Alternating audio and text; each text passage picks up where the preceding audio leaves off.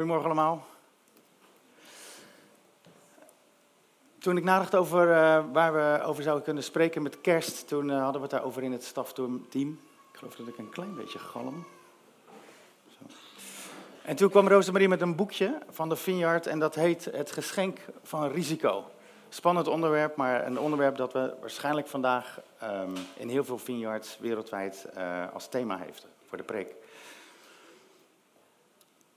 Vandaag vieren we kerst.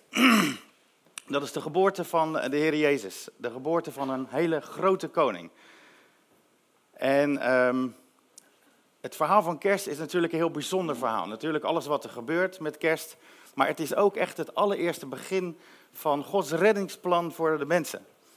God is bewogen over de mensen. God heeft de mensen gemaakt. Het is misgegaan en hij heeft er altijd verlangen voor gehad om de mensen te redden, om de mensen te herstellen en de mensen te zegenen.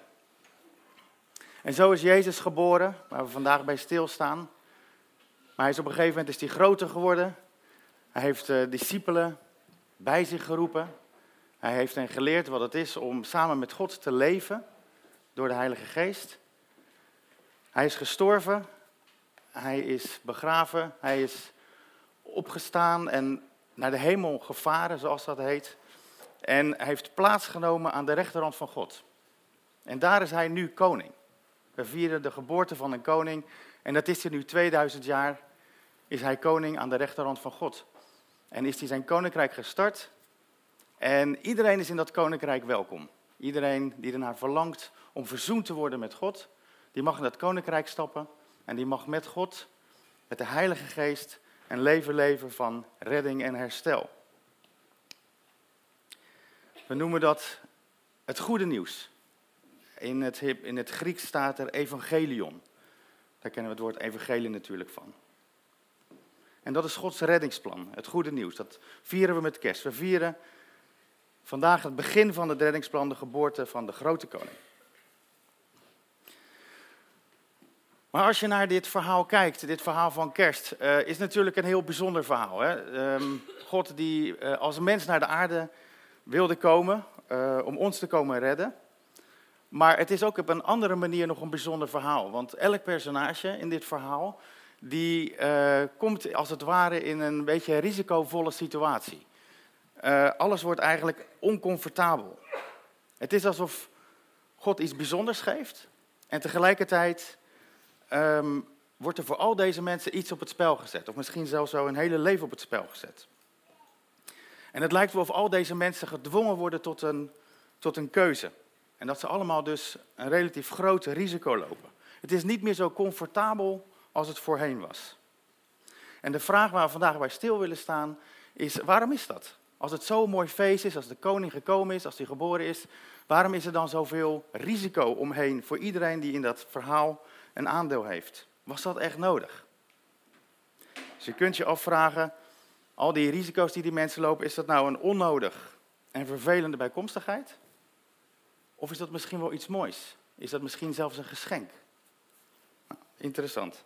Laten we in ieder geval nu het stukje lezen over kerst. Althans niet het hele verhaal. Laten de wijzen uit het oosten en de herders en dergelijke weg. We richten ons eventjes op Maria en op Jozef. We beginnen bij Maria. In de zesde maand werd de engel Gabriel door God gezonden naar een stad in Galilea, waarvan de naam Nazareth was. Naar een maagd die ondertrouwd was met een man voor wie de naam Jozef was, uit het huis van David. En de naam van de maagd was Maria. En toen de engel bij haar gekomen was, zei hij: Wees gegroet, begenadigde, de Heer is met u. U bent gezegend onder de vrouwen. En toen ze hem zag, raakte zij in verwarring door zijn woorden. En zij vroeg zich af wat de betekenis van deze groet kon zijn.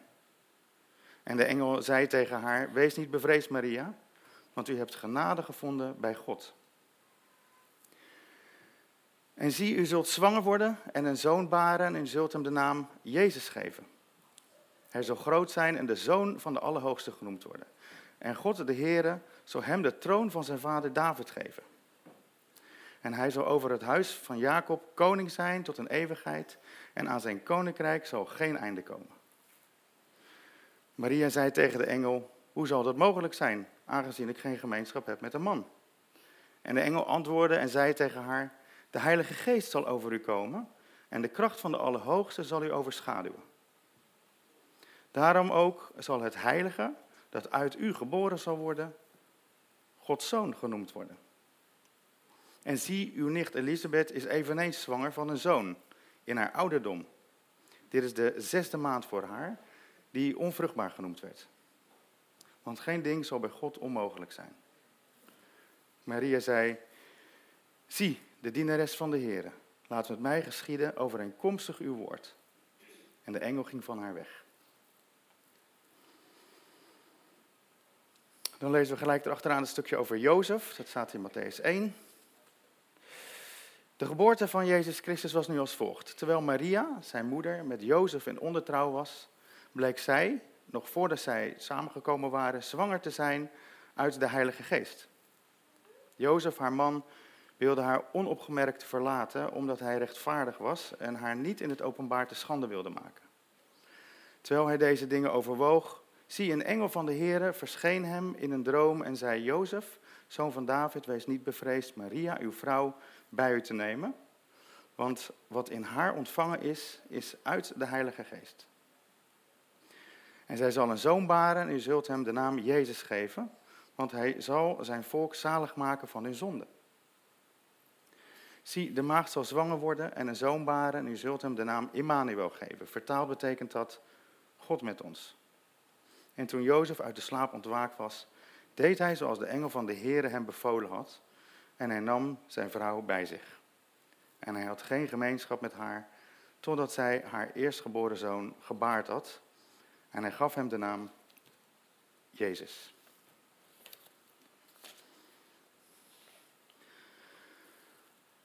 Laten we eerst eens bij eh, Maria stilstaan, haar situatie. Um, zij was heel jong. Ze was maar een jaar of veertien, zeggen de, de kenners. Um, en je moet je voorstellen, je bent 14 jaar, je bent een leuk iemand tegengekomen, Jozef. En je hebt verkering gekregen. En uh, op een gegeven moment, nou, het liep goed, je bent verloofd geraakt. En je hebt een, een, plan voor je, een, een, visie van wat het gaat worden. Je gaat een gezinnetje gestichten en, en uh, dat wat gaat groeien misschien. En nou, allemaal mooie dingen die we ons voor kunnen stellen. En dan ben je op een gegeven moment een avond alleen thuis. En dan staat er in één keer een engel in je kamer. In de huiskamer. En uh, die gaat je vertellen, of die vertelt je, wat er allemaal gaat gebeuren. Dat ze zo zwanger zal worden uit de Heilige Geest, zegt hij. En dat het kind wat ze krijgt Gods zoon genoemd zal worden. Ja, wat doe je dan, hè? Ga je daarin mee of niet? Ik denk dat Maria zeker wel een keuze had om te kiezen. Er staan genoeg verhalen in de Bijbel waarbij God heel dicht bij de mensen komt en dat ze dan toch niet met hem meegaan. En dat had Maria ook kunnen doen. Want wat zij te horen krijgt is natuurlijk aan de ene kant heel bijzonder. Er is een engel in haar kamer, wie maakt dat mee? Die geeft haar een opdracht. Een plan van God. Ze zal zwanger worden, allemaal hele bijzondere dingen. Daar zou je in principe heel blij mee zijn als zoiets moois je overkomt. Maar tegelijkertijd, als je 14 bent en je bent niet getrouwd en je wordt zwanger. Ik weet niet of dat eh, een heel erg leuk vooruitzicht is. Hoe ga je dat aan je vriend vertellen, aan je verloofde? Ik denk dat haar, uh, haar naam, um, ja, die kon wel eens een beetje beschadigd worden.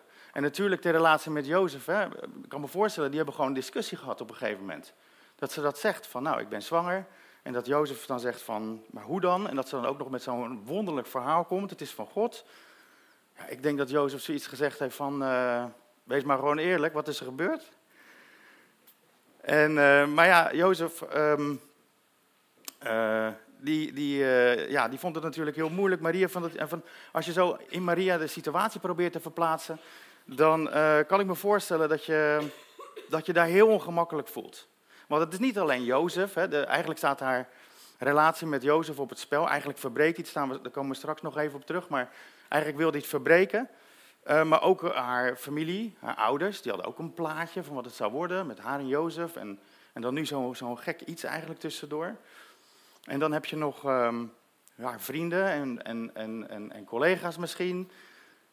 En dan ehm, daarnaast de hele maatschappij. Want het was in, in, in Israël natuurlijk een schande om, uh, voordat je getrouwd was, een kind te krijgen. En als er dan ook nog met zo'n verhaal komt van ja, het is uit de Heilige Geest. Ja, misschien dat de schriftgeleerden en de priesters en de fariseeën en iedereen, die zouden dat misschien wel godslastering noemen. En wat krijg je dan? Krijgt ze dan misschien een straf? Of wordt ze misschien uitgesloten van de gemeenschap? Of... In ieder geval is duidelijk dat voor Maria, als je je zo inlevert in haar situatie, dat er heel veel voor haar op het spel blijkt te staan. Ik kan me voorstellen dat Maria zoiets zou hebben van, um, beste engel, uh, ik vind het prachtig, maar uh, is het niet een beter idee om uh, bijvoorbeeld de vrouw van de hoge priester te nemen? Die zijn getrouwd, dus dan is het allemaal niet zo erg. En uh, die zijn altijd met God bezig, dus dan snapt het hele volk het ook. Dat is allemaal toch veel logischer. Maar dat zegt ze niet. Ze hoort het woord van God en ze laat gebeuren zoals gezegd is. Lucas 1 zegt, zoals we net gelezen hebben, laat met mij geschieden overeenkomstig uw woord. Maar het is dan wel direct interessant om onszelf af te vragen, wat zouden wij doen? als je een engel krijgt, nou, misschien uh, ja, zet je dat wel aan om, om God te volgen in zijn woorden. Maar ja, we maken allemaal wel bijzondere dingen met God mee. En misschien hebben we allemaal wel dingen in ons leven, momenten in ons leven waarbij we God willen volgen en merken dat er eigenlijk risico in het spel is. Dat het eigenlijk oncomfortabel wordt. En dat we misschien wel ons gezicht lijken te gaan te verliezen als we God gaan volgen. Of misschien een probleem krijgen met onze partners, die, die, onze partner die het niet begrijpt. Of familie. Misschien verlies je vrienden die het raar vinden. En misschien je maatschappelijke plek in de maatschappij, je baan en misschien zelfs je leven.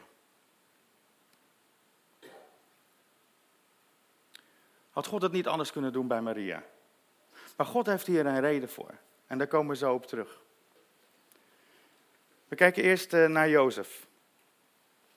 Zoals ik net al zei, het was natuurlijk voor Maria heel gek, alles wat er gebeurde, heel bijzonder. En ze kon het natuurlijk bijna niet uitleggen aan vrienden, familie, maar ook helemaal niet aan Jozef. Maar voor Jozef is zoiets ook heel gek natuurlijk. Dat je echt zoveel plannen hebt voor trouwen en toekomst. En dat, dat je partner, je verloofde dan met zo'n verhaal komt. Ik denk dat die dus een hele stevige discussie hebben gehad. Want voor Jozef was het namelijk vanaf het begin niet gelijk duidelijk wat er aan de hand was. En um, hij was wel een oprecht man, dus hij wilde het wel allemaal zo doen dat zij niet te schande zou komen te staan. En wilde haar eigenlijk in, uh, in stilte verlaten. Eigenlijk zei hij, beste Maria, het is afgelopen tussen ons. Hè. Laten we, het huwelijk staat gewoon op het spel nu, we stoppen ermee. Um, hij wilde weg, hij trok het gewoon niet, zoals we dat tegenwoordig zeggen.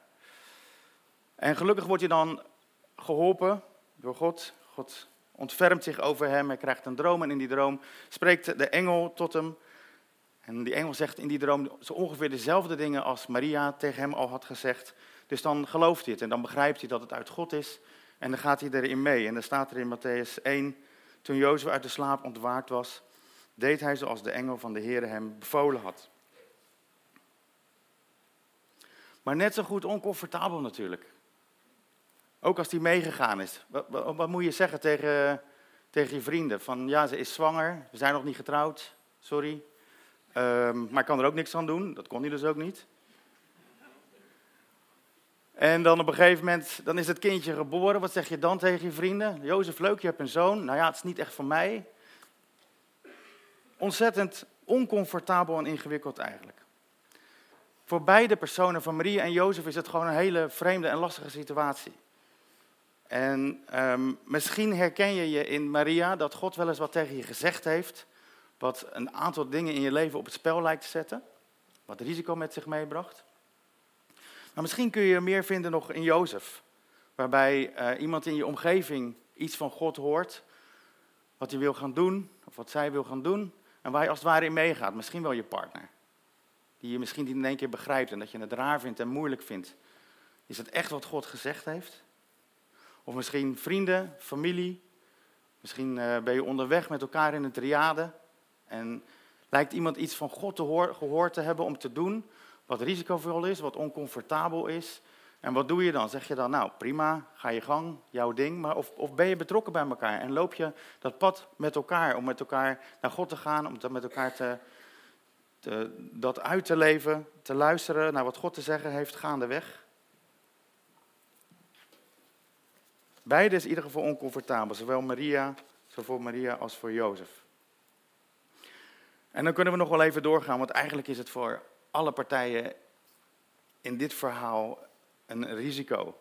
Want ook de herders, die hebben natuurlijk iets heel moois meegemaakt. Die zijn dan in het veld met de schapen en dan op een gegeven moment komt er een engel en op een gegeven moment komt er een heel leger van engelen en die zingen. Nou, er is een koning en dan gaan ze hem bezoeken en ze vinden Jezus, maar hoe vertel je dit dan weer aan, aan familie en vrienden en, en ook uh, aan de priesters of de schriftgeleerden? Die kom je natuurlijk ook vanzelf tegen. Er waren best mensen in het Oude Testament die een engel hadden gezien, of misschien wel meerdere engelen, maar zij, de, de herders, die eenvoudige mensen, zou God dat niet aan de, aan de mensen in de tempel gegeven hebben? Waarom zo aan deze eenvoudige mensen? En dat er dan een hele schare of een heel leger van engelen zou zijn, die dan over een koning spreken. Zij liepen ook het risico om tot verantwoording geroepen te worden. Misschien wel voor het Sanhedrin, misschien zagen zij het ook wel als een soort van godslastering. Dus ook zij moesten eigenlijk met het verhaal voorzichtig zijn. En dan de wijze uit het oosten, als je daarover nadenkt, zit er ook iets oncomfortabels in. Zij waren mannen van aanzien. En op een gegeven moment maken zij zich klaar voor een reis. En natuurlijk hebben mensen ook gevraagd, wat ga je doen?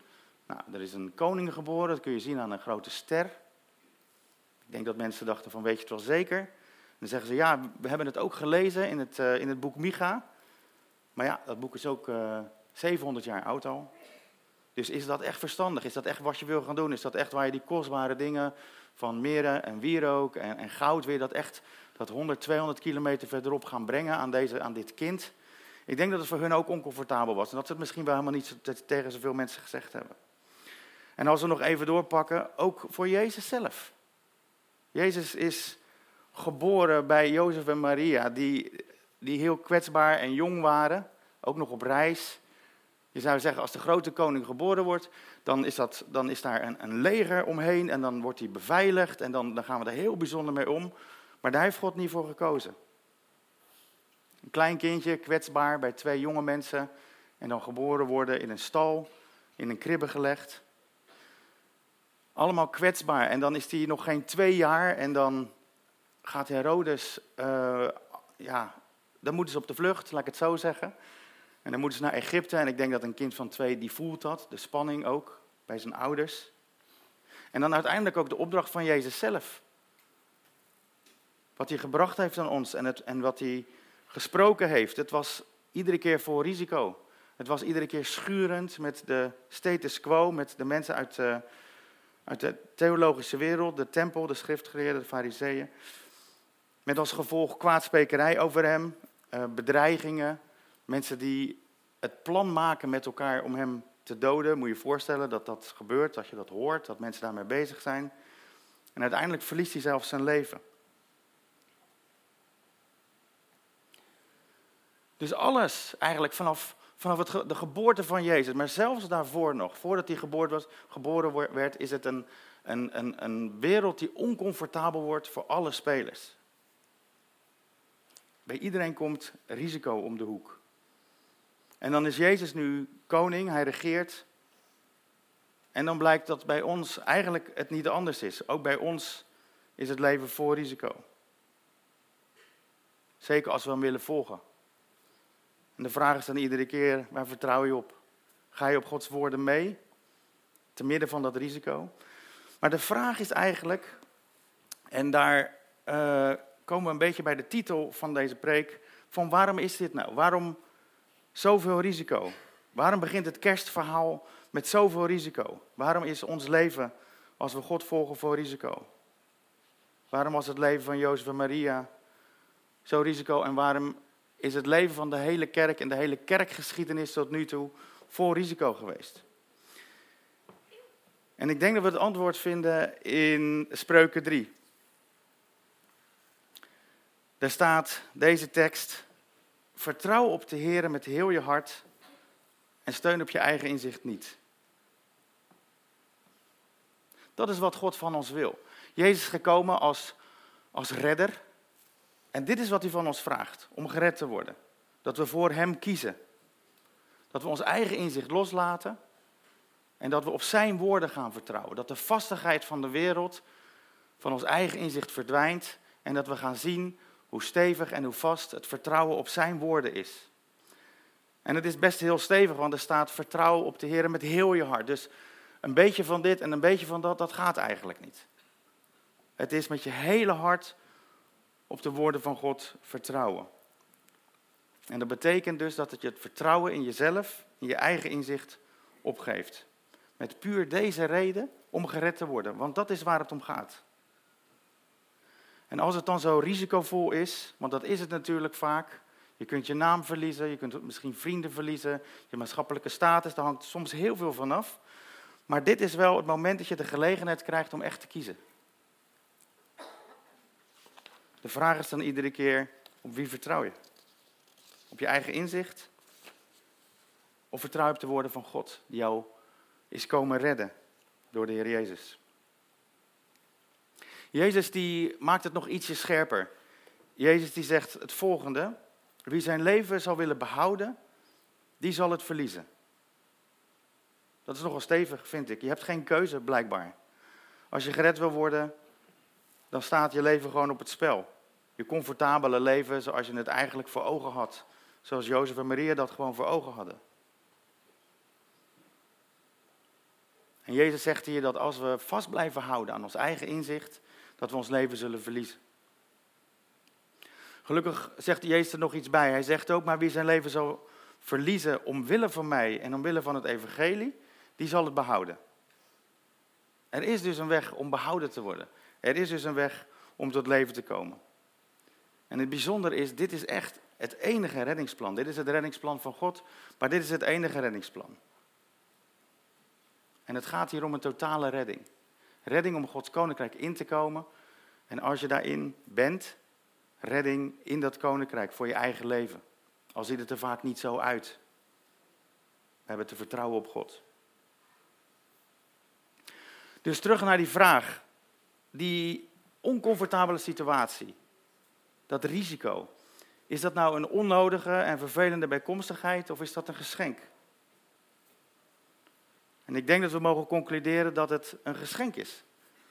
God helpt ons om te kiezen en daarmee het leven te vinden. En zo begint het verhaal van Maria, van Jozef, van de wijzen, van de herders, van iedereen met een geschenk. Zij mogen in die situatie leren wat het is om hun leven te verliezen en op God te gaan vertrouwen. En je bent in goede handen. Want Jezus zegt dat hij gekomen is om leven te geven in overvloed.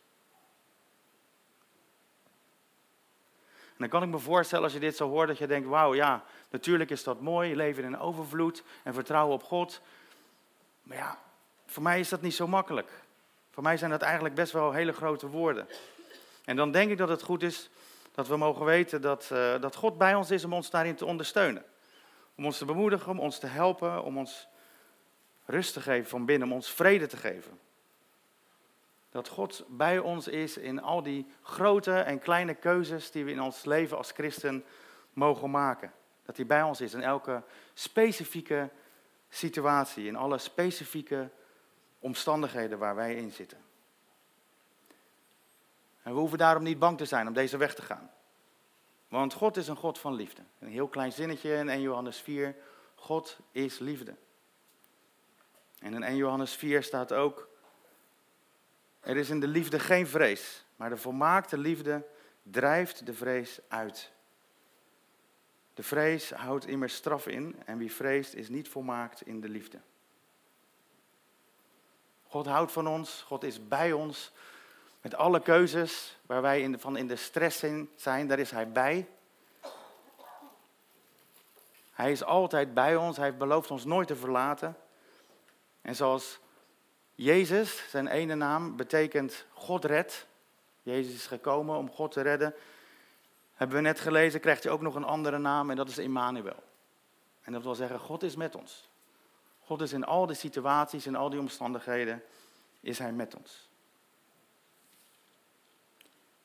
En de geboorte van Jezus is dus het begin van dit reddingsplan. Om op Hem te gaan vertrouwen. En het gaat gepaard met risico. En hoe vervelend het in eerste instantie ook lijkt, Als je risico loopt, als je Hem volgt, is dat een geschenk. Het helpt je echt te kiezen. Echt te kiezen zodat God je kan redden.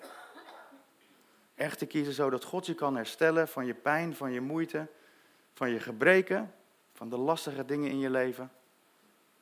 En echt te kiezen zodat Koning Jezus je het volle leven kan geven. Amen.